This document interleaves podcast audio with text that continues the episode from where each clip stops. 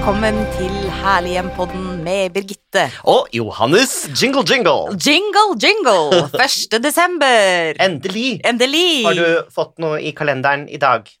Nei. For, har du ikke kalender? Eh, vet du hva? I år har vi faktisk ikke kalender. Vi pleier å ha det hvert eneste år, men i år har vi faktisk droppa det. Eh, og jeg tror det er fordi vi skal reise bort eh, eh, om ikke så veldig lenge. Eh, og da kan det bli litt mye drass, da, vet du, å ta med seg en sånn kalender. Men det kan jo hende jeg eh, får eh, fortsatt, da. Ja. Eh, at det kanskje ligger en liten ting til meg når jeg kommer hjem. Men du, Johannes Jeg maste jo veldig jeg må bare si Ja. fort, jeg maste jo veldig på Jens for å, på å få kalender, og så Ja. ble han så lei av meg til slutt. Så sånn 10. desember eller noe sånt gikk han på polet. Ja. Så kjøpte han eh, ja, 14 sånne små vinflasker, og bare her, vær så god, i en polpose. Klink, har du igjen til hver dag. Ja, det er genialt. det er genialt Og apropos vin, bare, Johannes. Altså, Johannes Brun, eh, er det bare meg, eh, eller er du også litt grann hungover etter eh, eh, julebordet med jobben i går? Litt. Litt. Og Ja. jeg er også litt, ikke veldig, men litt bitte grann. Og da passer det jo veldig fint å introdusere en fantastisk gjest som vi har fått på besøk, som også har vært her en gang tidligere. Ja, vinekspert Isabella Hedmark. Å, tusen takk. som er ansvarlig for Instagram-kontoen urbansubstans.no. Og den anbefaler jeg alle å gå inn på. Veldig. Der får fantastisk. du ikke bare, ikke bare Det må jeg bare si, den er så estetisk. Det er så fine, lekre bilder. Og så får man gode råd og tips. Mm. Og du kan jo si kanskje to setninger om hva motivasjonen din for å lage den eh, Instagram-kontoen var og er. Du har jo vært på besøk her før, men for de som ikke har hørt forrige episode, som for øvrig ble veldig godt tatt imot Veldig. av dere lyttere. Mm. Å, tusen takk. Uh, ja, altså jeg er jo sommelier, og eh, jeg har på en måte funnet min lille nisje med å anbefale eh, gode vinkjøp. Eh, sånn eh, stort sett så ligger de under 200 kroner. Eh, og, og så er det hyllevare. Og det er jo Det er litt rart det der med at vi nordmenn vi er bare verdensrekord i å shoppe på nettet, men ikke når det kommer til vin. Da går vi eh, på da, da plukker vi det som er på hylla, rett og slett. Vi burde egentlig bli mye flinkere til å kjøpe i nettbutikken i Vinmonopolet, for det er mye større utvalg, og, men det er kanskje ikke så lett å finne frem, da, ikke sant? Man vet ikke helt hva man skal velge, og kan ikke så mye om vin, og det er lettere Men- å bare ta noe av det som er stå Mhm. på. Hvordan fungerer det, da? Altså, du går på nettet og klikker deg inn, og så får Lager ikke du din levert det profil? på Har du ikke egen profil på Nei, har du? Nei, ja. Ja, men for sånn som meg, da. For jeg går jo bare i hylla, Ja. ikke sant? Ja. Eh, Får du levert på døren? Eh, nei, det gjør det ikke. Du må hente det på Vinmonopolet. Men Ja. uh, du går inn, og så bestiller du, bare klikker du deg inn på uh, du kan, det, De har kjempebra søkefunksjoner på, på nettbutikken til Vinmonopolet. Superbra. Og så velger du det Vinmonopolet du ønsker å hente vinene på, og i løpet av Stort sett så går det i løpet av kanskje 3-5 dager, maks 14 dager. Det er sjelden. Det pleier å gå på en uke. Ja. Så henter du vin på polet. Så um, det kan anbefales. Men Insta-kontoen min er eh, for folk flest, og folk flest bruker under 200 kroner på en flaske vin, og de plukker med seg noe på, eh, på hylla og drikker den samme kvelden. Og da kan man bruke instaen min som en sånn liten sånn huskelapp, ikke sant, og bare gå inn og se oi, hva passer til denne vinen og denne, her, eller denne maten og det jeg skal spise i kveld, og hva, ja, få, litt inspirasjon av. Og så er jo bildene, jeg legger mye arbeid i å få fine bilder, det skal være estetisk, og så skal man bli litt tørst da når man leser. Og det blir man virkelig. Og der Jeg anbefaler det så mye. Urbansubstans.no. Og så må vi jo da snakke om eh, den eh, tiden som eh, vi er i, og som eh, vi kommer også nærmere, altså jul, adventstiden og julehøytiden. Og nå er vi inne i adventstid, og jeg tror aldri jeg har fått så mange invitasjoner til julebord og adventsfester og jentelag og Ja. rakfisklag og lutefisklag som i år, fordi at vi faktisk nå får lov til å være sammen. Det fikk vi ikke til jul i fjor. Mm. Så nå er det akkurat som veldig mange har et kjempestort eh, sosialt behov. og da er det jo dette med maten som står i sentrum, og ikke minst eh, hva vi drikker til på julebord. Så, så kan ikke du fortelle oss litt om sånn generelle regler, hvis man er usikker da, eh, og skal ha for eksempel, ja, si at man skal ha koldtbord da, eh, ikke sant, mange forskjellige retter. Hvordan skal man tenke i forhold til eh, vin? Ja, eh, min favorittregel når det kommer til eh, mat og vin, er, den er veldig enkel. Det er tenk på eh, vinen som en saus når du skal kombinere mat og vin. Eh, og bruk den samme logikken når du skal velge vin. Og da, ikke sant, du, du ville jo aldri valgt en, servert en lett dressing til biffen eller til ribben. Uh, det, er, det er kraftig mat, Ja. trenger kraftig vin. Ja. Eller en kraftig saus, ikke sant? Ja. Så uh, tenk balanse, balanse hele veien. Mm. Maten og vinen skal balansere hverandre. Og da er det ulike måter de kan balansere hverandre på. Uh, for eksempel eh, em, eh, salt mat og søtt, det passer sammen. Salt og søtt. Mm. Uh, og da kan du tenke på ost og syltetøy. Det er veldig fin balanse. Mm. Uh, eller hvis det er litt bitter mat, Uh, bittert og søtt passer også sammen. Ikke sant? Kaffe med sukker i. Mm. Det skaper en veldig fin balanse. Mm. Eh, eller kraftig og fet mat, og det er det jo mye av i julen. Da trenger du en kraftig vin. Og generelt så er det syre. det trenger du egentlig til ja, all, aller mest eh, all type mat, Altså i egentlig. syre i vinen, ja. Syre i vinen, ja. Ja. Og det er den som gir friskhet i vinen. Uh, og uh, særlig fet mat trenger syrerik vin, fordi at det, du trenger å friske litt opp det, og rense opp munnhulen for fettet. Men har det også Ja. noe med fordøyelsen å gjøre, eller er det bare noe man liksom tror? At for eksempel når man spiser ribbe, da, at man sier at man har litt akevitt i ribba for, for å bryte ned fettet, liksom. Er det bare tull? Nei, jeg tror at eh, du får en Det blir ikke så, det blir ikke så tungt i, ma i magen. Mm. Og ikke sant, det som tradi Tradisjonelt så drikker vi jo øl og akevitt til norsk julemat, og Mm. øl er veldig mettende. Mm. Uh, og jeg tror at hvis du får en litt sånn frisk, syrerik vin, så vil det oppleves lettere uh, i magen. Mm. Og man ser jo det at det er stadig flere som velger vin til julematen nå, eh, og velger litt bort den der tunge ølet og akevitten. Mm. Jeg liker ikke øl og akevitt. Jeg liker jo ikke øl, da, så det Mm. jeg, jeg, Du liker rødvin og akevitt, du, da? Eh, Ja, eller, eller gjerne hvitvin og akevitt, Ja. faktisk. Eh, Men da må Ja, vi så det er ikke bare big no-no å drikke hvitvin til ribbe, liksom? Det er Nei, vet du hva, det er jo liksom gamle regler står for fall. mm. Så eh, tidligere så sa man jo det at man skulle drikke hvitvin til fisk og rødvin til kjøtt, og det eh, Sånn er det ikke lenger. Eh, og man sa at man bare skulle drikke musserende til aperitiff. Eh, og en drikk som passer til alt i dag, det er jo champagne, ikke sant. Det er jo den Du kan drikke champagne med et helt måltid, bare du Oi. velger de riktige typene champagne. Og modne, modne, kraftige champagne som er laget på eh, pinot noir og pinot meunier-druen, altså røde druer. Eh, står seg kjempefint til ribbe og til pinnekjøtt og til nær sagt Nei, eh, si det der en gang til. Hva sa du nå, at pinot noir-druen eh, som til bobler passer til ribbe? Ja, for ja, men altså bobler passer generelt til eh, um, eh, all julemat. Eh, så det er jo Er det en tid på året hvor det er tid for å dra frem boblene, så er det i julen. Og ikke ikke spare dem til eh, klokken tolv eh, på nyttårsaften, Mm. men eh, ta dem frem på julaften, og, og det trenger ikke være, eh, de trenger ikke være fra champagne. Eh, det finnes eh, gode alternativer eh, i rimeligere prisklasser Mm. Eh, som er laget på akkurat samme metode og samme druer som i champagne. Eh, Men vi må ta da, for å, å hjelpe lytterne våre nå, og for å hjelpe oss selv, holdt jeg på å si, Johannes, Ja. så vi lærer mest mulig.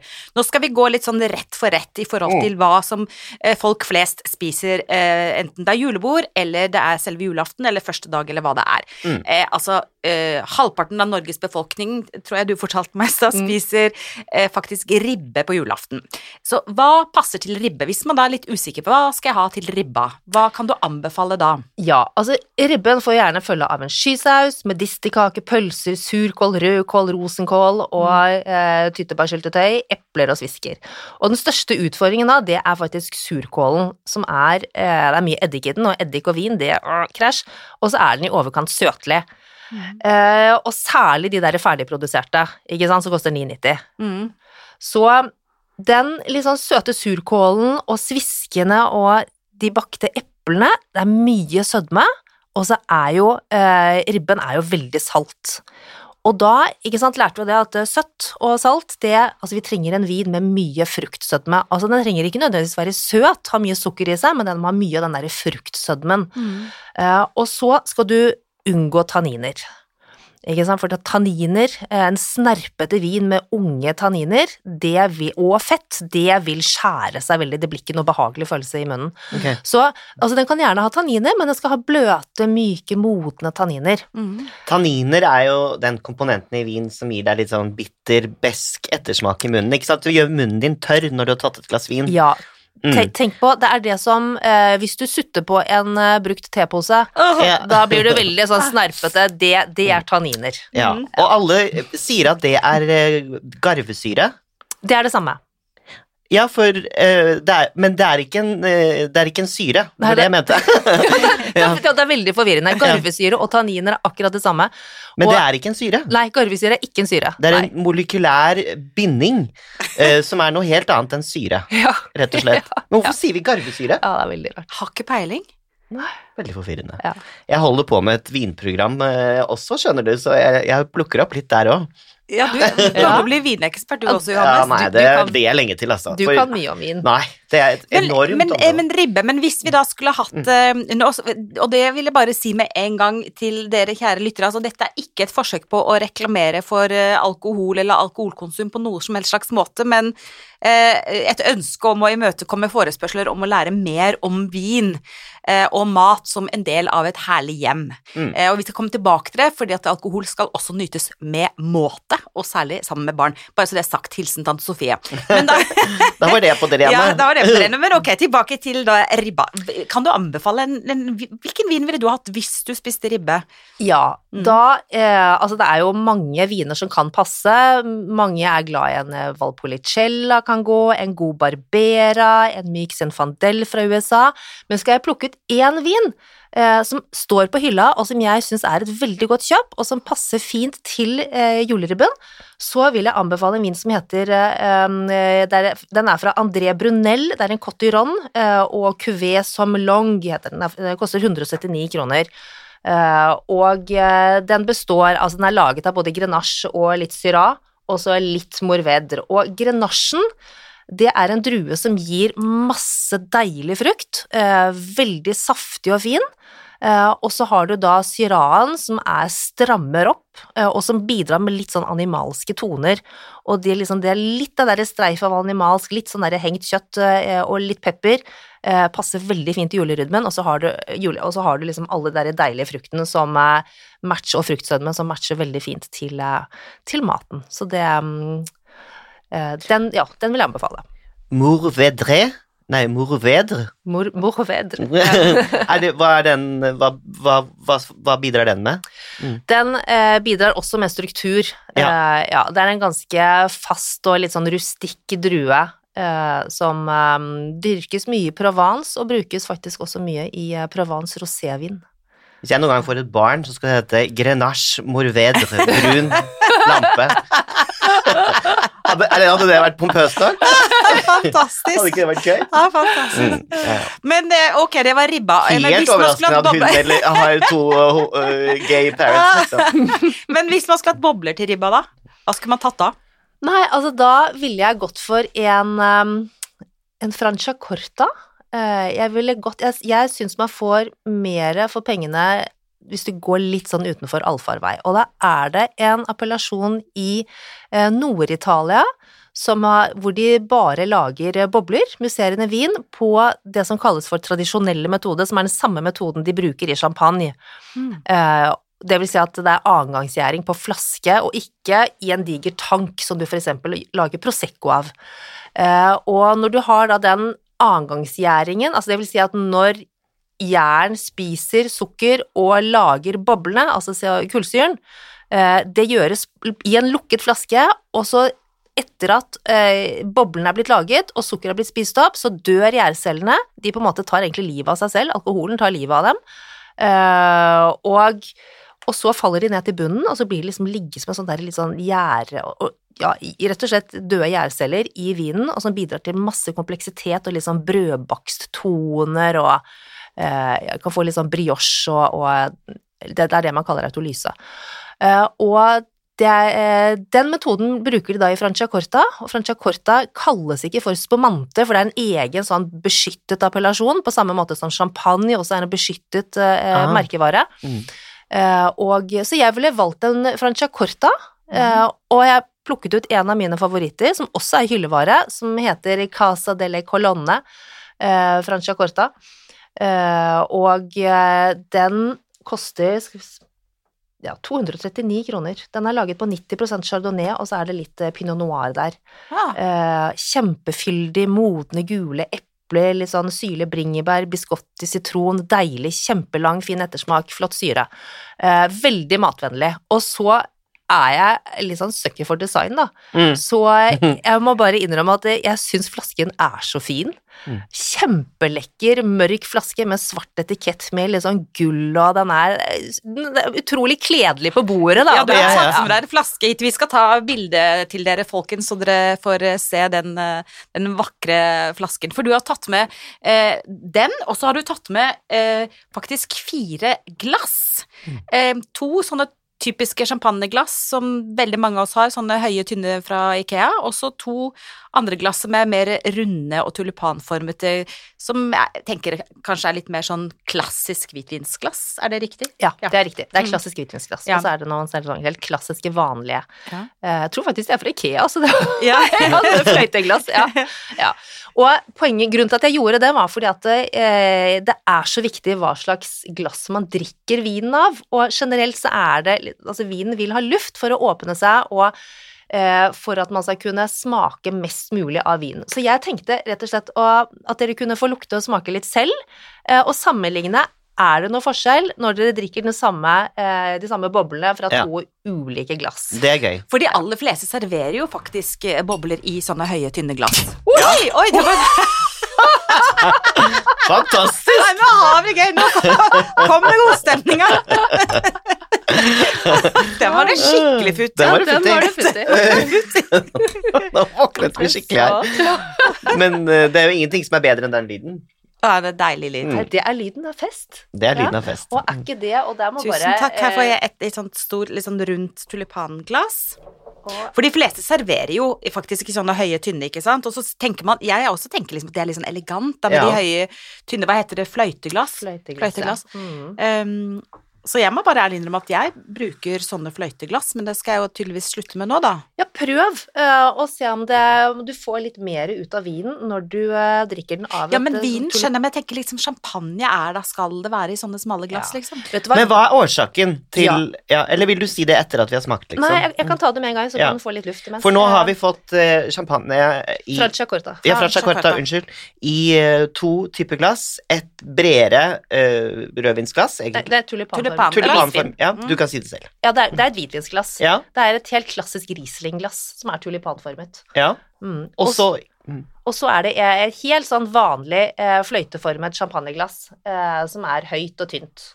Og hva skal vi Når vi smaker på de to Ja. glassene nå, hva, hva skal vi se etter? Først skal dere ta det eh, vanlige champagneglasset, og så skal dere på en måte eh, eh, rulle liksom vin litt sånn rundt i glasset. Og det gjelder også Ja. for champagne, eller altså for Ja. bobler, da, Ja, for å si det. også bobler. Og så stikker dere nesen så langt ned i glasset som dere bare får til, og så lukter dere. Å, epler! Ja.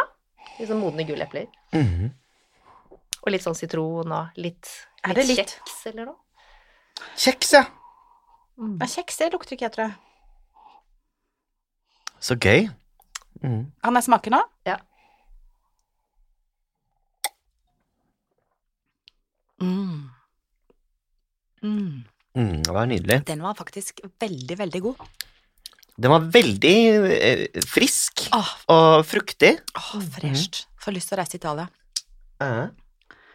Og så minner det litt om champagne, men det er ikke det samme sånn Den er gulere også, er den ikke det? På en måte. Altså fargen. Den er ganske gul. Jeg syns den var søtere enn eh, champagne. Øh, Nei, den er helt tørr, den her. Det er under Ja. 3 gram sukker i den. Ja, så. Den er helt tørr, men den har veldig fin fruktsødme. Ja, det er sikkert det, Mhm. for det som kicker inn. Mhm. Masse. Men hvis dere nå lukter på eh, Ta vi- eh, Riesling-glasset, og så ta, eh, liksom, rull vinen godt rundt eh, og stikk nesen nedi og se om dere hva dere syns. Lukter det mer eller mindre, Ja, eller lukter det det samme? mye mer. Å ja. Mye, mye mer. faktisk. Mye mer. Men det er nesten eh, Man blir liksom overlumpet av lukter òg. Mm.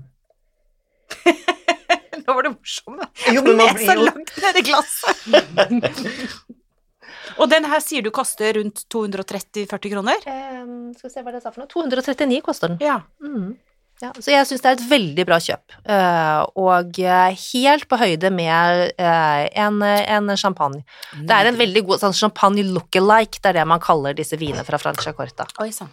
Det lukter altså så mye mer. Mm. Ja, det er, er ikke Det er det, rart? rart er morsomt. det er så stor Det forskjell? Men ja, det er kanskje ikke alle viner man ønsker å lukte så mye heller? Eller er det det? Eh, jo. Ja, men, jeg mener, ja, men du er jo veldig eh, inni det. Du vil jo lukte, du vil jo vil jo Vil man alltid lukte Ja. alt? jo, men vi smaker Ja, Ja, så når det gjelder vin, vil jeg jo tro Ja. det. Altså, ikke, ikke når det gjelder alt mulig vin kan jo lukte alt mulig rart. Altså, det er jo en Ja, men man, er det, ikke, det er jo det man vil, er det ikke det, da? Ja, ok. Jo, altså, Eller? vi, veldig mye av smaksopplevelsen sitter i nesen. Ikke sant? Er Ja. du forkjølet, så smaker du heller ingenting. Nei, det er sant. Så det er Ja. um, luktesansen Man berøver seg selv for eh, en opplevelse, da. Ja. Mm. Mm. Men det er veldig kult. Men det som eh, Hvis jeg hadde servert champagne eller eh, Franciacorta. Franciacorta i et eh, eh, hvitvinsglass, så ville måtte jeg jo hele tiden forklart gjestene mine at det var med intensjon, så ikke de trodde at jeg bare hadde bomma. Ja. Ja. Det er jo litt sånn kutyme Ja, vi tror på en måte at eh, fordi det er det, men det er det som er kutymen, at man Mm. alltid serverer i høye glass. Men grunnen til at eh, man, den tradisjonen kom inn, det var Mm. fordi at du, for å bevare boblene, ikke sant. Ja. Men så er det jo det at de aller fleste har jo drukket opp den champagnen eller musserende før boblene er borte allikevel. Det tar ganske lang tid. Mm. Så da på en måte da forsvinner litt av hele poenget med de eh, høye, tynne fløyteglassene. Så bare o- Men- en overlevning, rett og slett? Ja. Ja, men er det, er det riktig, eller er det bare noe jeg innbiller meg at jeg har lært at eh, hvis man skal servere bobler på formiddagen, så skal den serveres i sånne flate Liksom sånne flate, brede glass ja. eh, med, med lavere stett, og, og til og med gjerne en liten champagnevisp. Som kan, ja, som man kan faktisk eh, Ja. Og hvis det er om ettermiddagen og kvelden, så skal man bruke eh, mer høye glass. Er det riktig, eller er det bare tull? nei, nei, det er bare tull. Er det bare tull? og, og det der med de der eh, Marie Antoinette-glassene Ja, ja. som var visstnok er formet etter puppene til Marie Ja, Antoinette. Ja, de champagneglassene som er sånn sånne, liksom, vet du, Ja. sånne runde, vakre Ja. Og de ble jo veldig på moten på begynnelsen av 1900-tallet, og det var nok liksom under de glade 20-tallene, og da bygde de pyramider med disse glassene, og så tok de og Ja. helte champagne på toppen, og så Ja. rant det, ikke sant, Ja. alle har sett det der. Ja, ja. Og det var nok en moteting. Og så gikk man derifra til disse fløyteglassene for å bevare boblene bedre, da, fordi at disse eh, veldig store glassene, de er, en ting er at du lukter jo ingenting, Mm. altså mindre inni et fløyteglass, fordi at de har jo ikke noe, det er jo ikke noe, altså all duften bare forsvinner ut. Ja. Uh, og så er de vanskelig å balansere, og så eh, ja, så, og så mister man boblene fortere der. Så gikk man derifra og til det stikk motsatte, ikke sant, og disse lange, høye fløteglassene, og så nå så sier man det at nei, vet du hva, bruk heller et hvitvinsglass. Men det betyr jo egentlig at man kan gå hjem og rydde litt i glasskapet og så kvitte seg med veldig mye. For at eh, dette tulipanglasset her vil jeg tenke at man kan både Nå har vi lært at man kan bruke det til bobler, Mm. uh, men så kan man jo selvfølgelig bruke det til hvitvin, og jeg tenker at det nesten går for, eh, for rødvin også, hvis man skal ha velge, velge få glass, da. Vi har jo altfor mange glass, de fleste av oss, og masse tullete, i hvert fall jeg, tullete. Men ok, folkens, tilbake til julematen. Nå har vi snakket om ribbe, som veldig mange spiser. Men så en ting som jeg lurer på, som jeg syns er faktisk ganske vanskelig, Um, og det er uh, en rett som jeg er veldig glad i, faktisk noe av det aller beste jeg får. Men jeg spiser det kanskje bare to ganger i året, og det er rakfisk. Og jeg liker eh, vellag, altså ganske godt raka fisk. Eh, og så vet jo mange det, at liksom da er det akevitt. Mm. Men hva ville du, vil du servert til rakfisk? Ja, det er jo så mye sterke smaker i rakfisk, Mm. eh, så veldig vanskelig å kombinere med vin.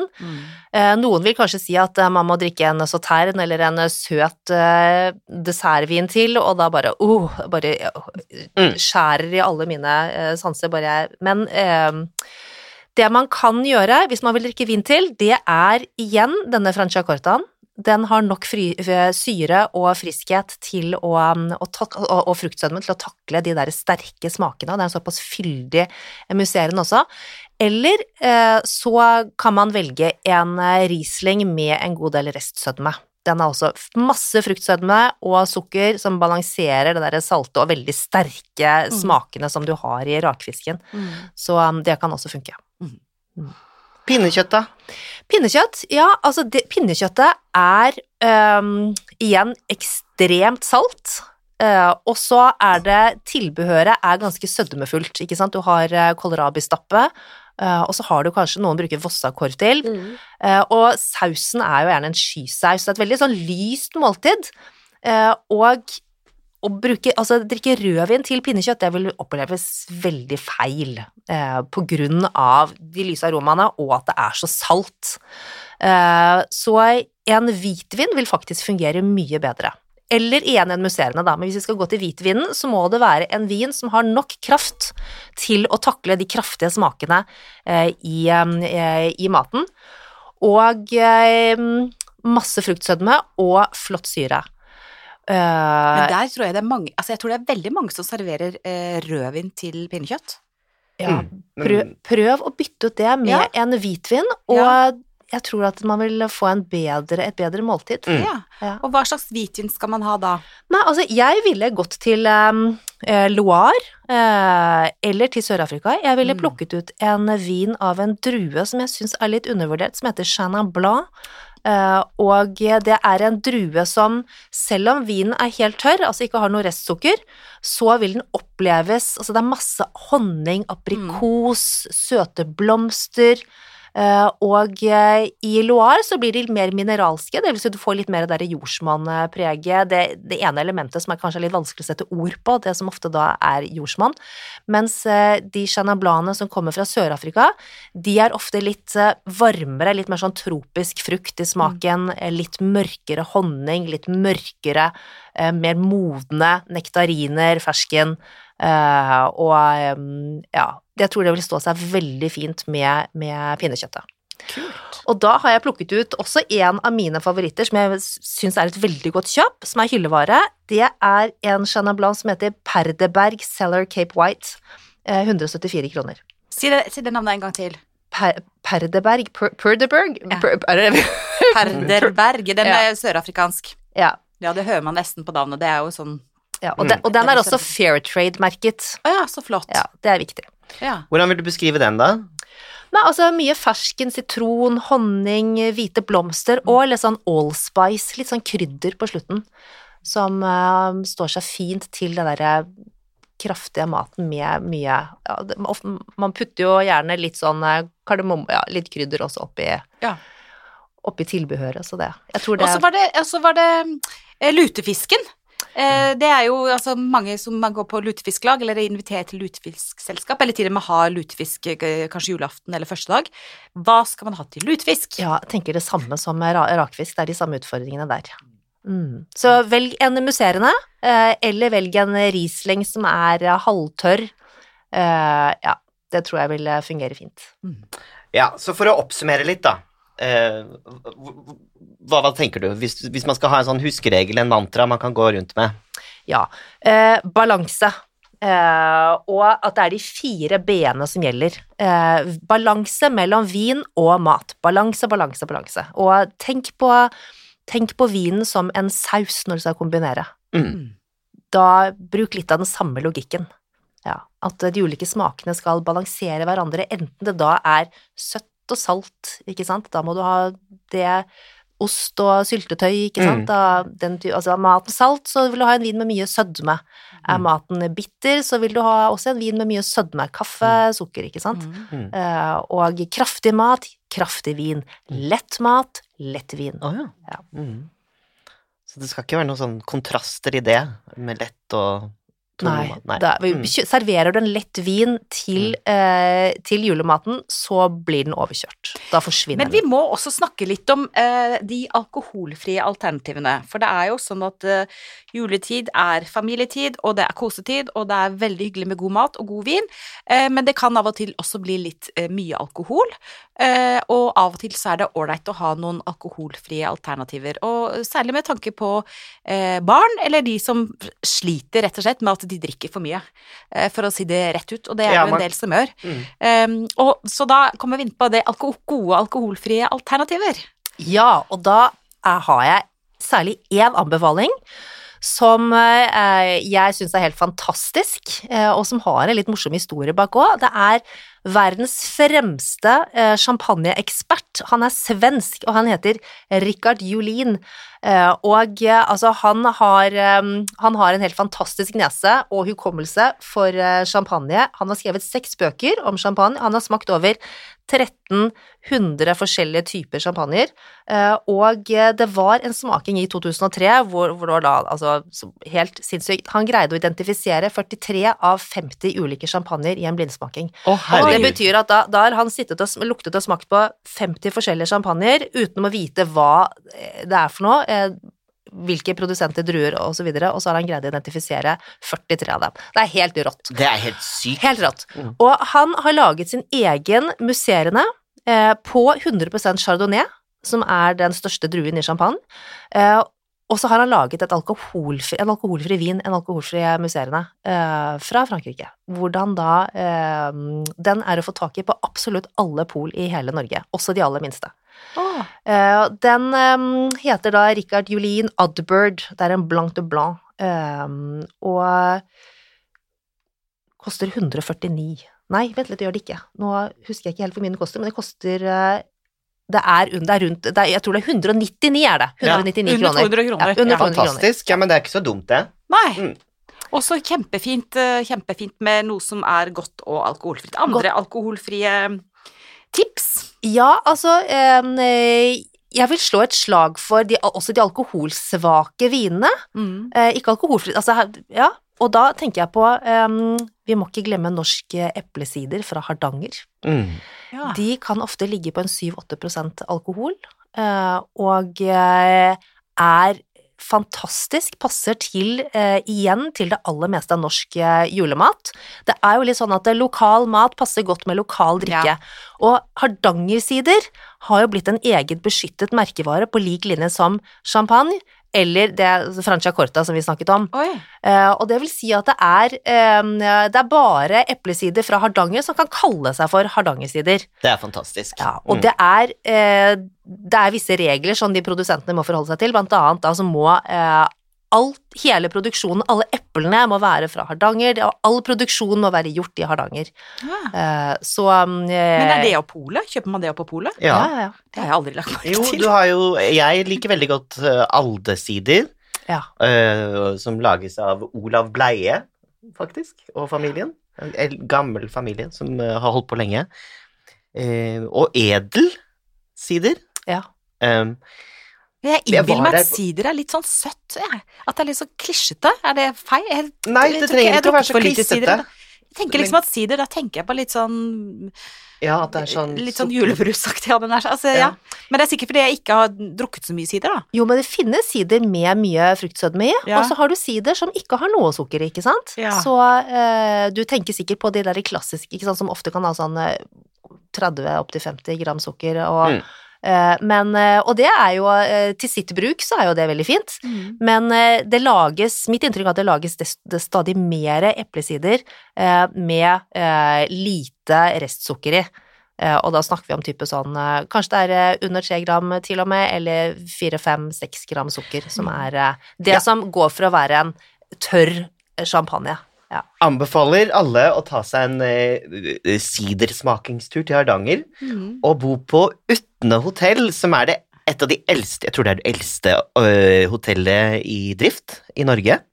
Spennende. Ja, og det er noe på topp ti-listen over mest, de mest hjemsøkte hotellene i verden. Å, da skal ikke jeg dit. Og jeg Vi, vi bodde der. eh, og, Wow. ja, og jeg er sikker på at mor Utne, som hun heter, eh, var besøkt meg på rommet. Uff, uff Ja.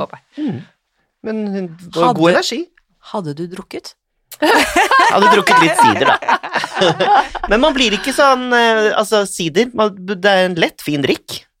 Kjempefin, og, og det er jo det Og det er liksom ikke bare eplesaft, liksom. Det er, det er, mye, det er mye nyanser der man Ja. kan finne. Ja. Mm.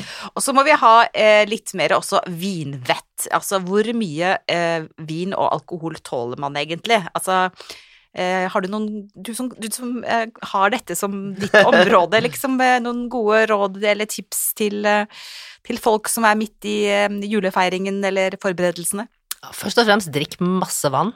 Eh, Ett glass vann for hvert glass vin, det er en god eh, huskeregel, og det begrenser da naturlig også inntaket av vin, hvis mange husker på det, Mm. for da du eh, blir full i magen, og du får plass til mindre alkohol, og, eh, og mm, så ett glass vann for hvert glass vin, det tror jeg er det beste rådet jeg kan gi.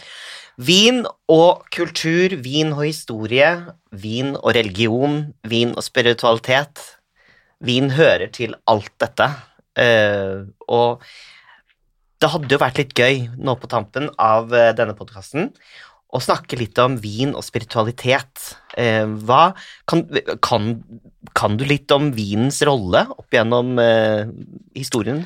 Ja, og det er jo litt sånn, nå går vi jo inn i den kristne høytiden, ikke sant, og da tenker jeg at det, kanskje det er liksom litt passende å bare minne om hvor vin kommer fra, og en av kristendommen er jo faktisk en av de grunnene til at vin har fått den utbredelsen eh, i samfunnet vårt i dag som det det har, og det glemmer vi jo, fordi at eh, vi tror jo at, eller på en måte den jevne oppfatningen er at eh, er du eh, en god kristen, så er du avholds.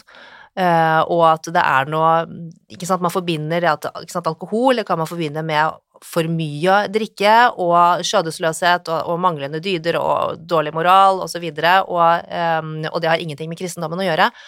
Uh, men det man Men kristendommen er uh, Altså, vin er et helt elementært element i Bibelen. Eh, og, og da må man tenke tilbake på den tiden da vin Altså da Bibelen ble skrevet. Mm. Og vann, rent vann, det var ingen selvfølge. Vann var ofte infisert, man kunne bli syk av å drikke vann, men drakk du vin, eh, så var vin var rent, vin var ikke infisert. Så vin var en trygg drikke. Og brød og vin, det var på en måte, det hørte sammen. Eh, og eh, så hvis man da tenker tilbake til altså Bibelen, da, ikke sant, Jesus han gjorde om vann til vin, det var det første miraklet han gjorde. Eh, og det er en litt eh, sånn morsom historie, alle har jo hørt om bryllup i Kana, men det man kanskje ikke, det som ikke kommer like godt frem, da, det er eh, volumet. Som vann som Jesus gjorde om til vin. Det var ganske mye. ja, jeg, em, og det var jo Det som skjedde, var jo at um, det var midt under bryllupsfesten, så gikk de tom for vin. Og da gikk Maria til Jesus, og så sa hun da til sønnen sin at du, nå er vi tomme for vin, og hva skal vi gjøre? Og Jesus sa da til tjenerne at de måtte fylle altså På den tiden så lagret man da vin i De hadde jo ikke flasker, ikke sant, de lagret det i svære kar som da var hugget ut i stein, og de rommet 600 liter hver. Så sa han til tjenerne fyll eh, Nei, unnskyld, de rommet 100 liter hver. Og så sa han til tjenerne eh, fyll seks av disse svære karene med vann. Og så gjorde de det, og så sa han til tjeneren eh, Fyll et beger med eh, drikken, og så gir du det til eh, verten til bryllupet. Og da verten fikk smake, så ble han til så stor overraskelse Altså, det var ikke vann han drakk, det var vin. Og så var det ikke en hvilken som helst vin, det var en vin av veldig god Det var en god vin. Og det var da han kommenterte at eh, til eh, at ja, her, til eh, her, her serverer du ikke den dårligste vinen eh, når gjestene er blitt eh, Når de har drukket litt. Du, Mm. eh, du serverer den beste vinen til slutt, og det var eh, Å, herregud. så, Gøy. men det var altså 600 liter vin, Ja, og, da, er en og, da, og da var de allerede gått tomme for vin. Så Ja. det, man kan jo Jeg vet ikke hvor lenge disse bryllupsfestene pågikk på den tiden, eller hvor Ja. mange gjester de hadde, men det var, eh, det var ganske betydelige mengder. Og så har du jo betydningen av vin i forbindelse med nattverd, ikke sant, eh, som jo er eh, også en del av eh, trosbildet, det med Jesu eh, blod og legeme, ikke sant, at man da når skal drikke Jesu blod, så får man vin. Ja, hvorfor er det eh, vin? Ja, altså det var jo under det siste måltidet, Uh, hvor da Jesus uh, tok et uh, beger med vin, og så sa han det, løftet han det, og så sa han drikk dette til minne av meg, for dette er mitt blod. Mm. Eh, og eh, det er jo et av høydepunktene under gudstjenesten, og det var jo det som gjorde at eh, munkene og misjonærene eh, måtte De tok med seg druestokker hvor enn de dro, fordi de trengte vin til gudstjenesten. Så det var jo en av måtene, altså en av de viktigste grunnene til at eh, vindyrking ble utbredt i Europa. Um, eller man fortsetter med dyrking, altså romerne hadde jo selvfølgelig, de måtte jo også ha vin, så de, men, men kristendommen og munkene tok jo med seg dette her når de bygde klostre, eh, og eh, fordi man måtte ha vin til gudstjenestene. Mm. Og misjonærene tok med seg eh, vinranker da de dro ut for å kristne hele verden. Eh, Så de tok med seg vinranker til Argentina, Chile, eh, California og også eh, ikke sant, Sør-Afrika, Australia osv. Så, videre. så det, Mm. eh, kristendommen har faktisk bidratt til denne eh, kanskje verdens mest internasjonale handelsvare, som vin jo er. Herregud. Jeg kunne sittet og lyttet i timevis. Det er så interessant. Det bare binder jo så mye Ja. sammen. Og Kultur og tradisjoner, historie. Altså, det er et u eh, uendelig tema. da. Fantastisk. Ja. Mm. Med kjempedype røtter, ikke sant, Ja. som man uh, kanskje ikke er like klar over. Nei, nei. nå har vi lært mye, Johannes. Ja, eh, veldig. Og nå, nå vet jeg hva jeg skal gå til innkjøp av. Ja. Drikke. Hva Mm. spiser du på julaften? Eh, vanligvis ribbe, ja. Rive. Ja. Og jeg er vokst opp med reinsdyrsteik, jeg, faktisk. Oh, for det er jo en del som spiser vilt også Um, i jula, eller Mm. også julaften, eller hva skal man ha til vilt, da? For eksempel reinsdyr, som jo er et veldig, veldig magert eh, kjøtt. eh, og som har veldig lav fettprosent, ikke sant? Mm. Fordi reinsdyrene de har bare gått og gnagd på litt lava, og jeg syns reinsdyrkjøtt er Det er så godt. Eh, Ja, jeg syns det er Mm. helt fantastisk. Men hva slags vin skal man ha da? Det klassiske valget, det er jo en vin fra Ron. Mm. Eh, og eh, fordi at altså Syrah er jo hoveddruen i Nord-Ron, og det er en drue som har mye av disse animalske eh, aromaene. Altså hvis du drikker en ren Syrah fra Nord-Ron, så kan du kjenne litt sånn baconlukt, og litt sånn hengt kjøtt. Tenk på det neste gang dere drikker en, en Syrah fra, fra Nord-Ron. Mm. Eh, og, og det passer veldig fint med det, med, med, med viltsmaken, den der sterke, karakterfulle viltsmaken. Så det er to liksom, aromaer som går veldig fint sammen. Og så er det en del pepper i syradruen også, og det pepperet passer også veldig fint til eh, tilbehøret man gjerne har til, eh, og sausen som man har med, med viltkjøttet. Så ehm, jeg, eh, jeg ville valgt en vin fra Nord-Ron eller eh, fra Syd-Ron. En uh, Chateau Neuf de pappe eh, er også et veldig trygt valg. Mm. og apropos det, vi snakket om vin og religiøsitet. Mm. Det, ikke sant, Chateau Neuf, det betyr jo um, Chateau Neuf de pappe, det betyr det nye slottet til paven. Det er også Mm. litt sånn Oi. Ja, litt sånn morsomt, i og med at vi snakker om, vi er i juletider og snakker om eh, kristne Men grunnen til at eh, dette vindistriktet har fått det rare navnet, er eh, Da må vi tilbake til middelalderen, Mm. eh, og opprinnelig så het det Chateau Neuf. Og så var det en pave, kom det en ny fransk pave på 1300-tallet, begynnelsen av 1300-tallet, og han ville gjerne, han ville ikke bo i Roma. Han eh, ville helst bo eh, i, altså nærmere Frankrike. Eh, og eh, i tillegg så var det litt maktkamp eh, og, og ja, pågående mellom da pavedømmet og den franske kongen, så det var også viktig for han å plassere, sitte nærmere den franske kongen. Eh, og i tillegg mer sentralt hvor kristendommen var utbredt, og Roma lå litt i utkanten da. Så han flyttet hele eh, hovedkontoret, holdt jeg på å si, til, eh, til paven fra Roma og til en by som heter Avignon, som ligger i Sydron. Eh, og nærmere til bestemt til Chateau Neuf, og da ble det bygget et nytt slott til paven, og dermed så ble det Chateau Neuf de Pape, altså det nye slottet til paven. Ja. Wow, så gøy. Ja. Men jeg ville altså anbefale en, eh, ja, en Chateau Neuf de Papp. Kan passe veldig fint eh, til eh, Får man disse historiene på Instagrammen din nå? Nei, de er, jeg skriver mye kortere der. Der skriver jeg på en måte veldig sånn kort og presist og Du burde, men har du nettside? Ja, Ja, det er, som også heter Urb- Urban Substance, eller Urban Substans. ja, .no. Ja, .no. Mm, ja. Hvordan uttaler du det? Ja, vet du hva, jeg, jeg, jeg er litt sånn uholdt uholdte. Jeg, jeg sier bare urbansubstans.no, jeg. Ja. Men ehm, eh, jeg sier kryssler òg, Nei da. du Hæ? Hva sa du for noe? Jeg sier Chrysler og ikke Chrysler. Ja. Nei, nei, jeg bare tøyser, jeg gjør ikke det. Men, men, eh, men, men mange sier urban substance, så Ja. man må gjerne gjøre det. Ja. Men eh, ja. Kult. Nei, anbefaler alle å gå inn der, og jeg syns du burde dele noen av disse historiene der også, for det er veldig interessant for i hvert fall for sånne som meg. Jeg Eller du kan kan komme tilbake og fortelle enda, Eh, mer, enda flere historier, og Ja. lære oss enda mer om vin Mm. og vinkultur, og ikke minst de anbefalinger til hvilke viner, med eller uten alkohol, eh, som passer til eh, maten. Men det jeg kan gjøre, er at jeg kan lage en post på Insta-kontoen min eh, hvor jeg skriver navnet på nettopp disse eh, vinene. Ja. Så hvis man går inn på urbansubstans.no Mm. eh, på Instagram, så kan man finne disse vinene jeg anbefalt. Ja, og de finner du rett og slett på kontoen din i dag. Eh, ikke sant? Ja. Mm. Supert. Så gå inn, eh, folkens, og sjekk og lær. Og tusen takk for at du kom. Tusen takk for meg. Det var veldig hyggelig å ha deg her, og det var veldig hyggelig å se deg igjen, Johannes. I like måte. Selv om vi så hverandre faktisk i går, for da Ja. var vi på julefest Ja. med jobben. Mm. Eh, og vi er tilbake allerede eh, om En en, uke. eh, uke. Og da skal vi snakke med julekongen Sigurd, Sigurd Storm. Storm. Ja. Tusen takk for nå, da, dere. Takk Og for nå. Takk for nå, Tusen takk til deg og dere som lytter, og husk ta vare på ditt herlige hjem, stort eller smått.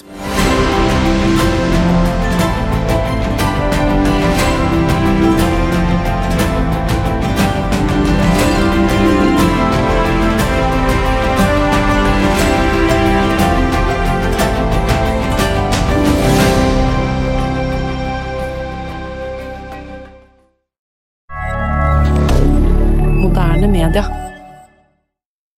Har du et enkeltpersonforetak eller en liten bedrift? Da er du sikkert lei av å høre meg snakke om hvor enkelt det er med kvitteringer og bilag i fiken, så vi eh, gir oss her, vi. Fordi vi liker enkelt. Fiken superenkelt regnskap.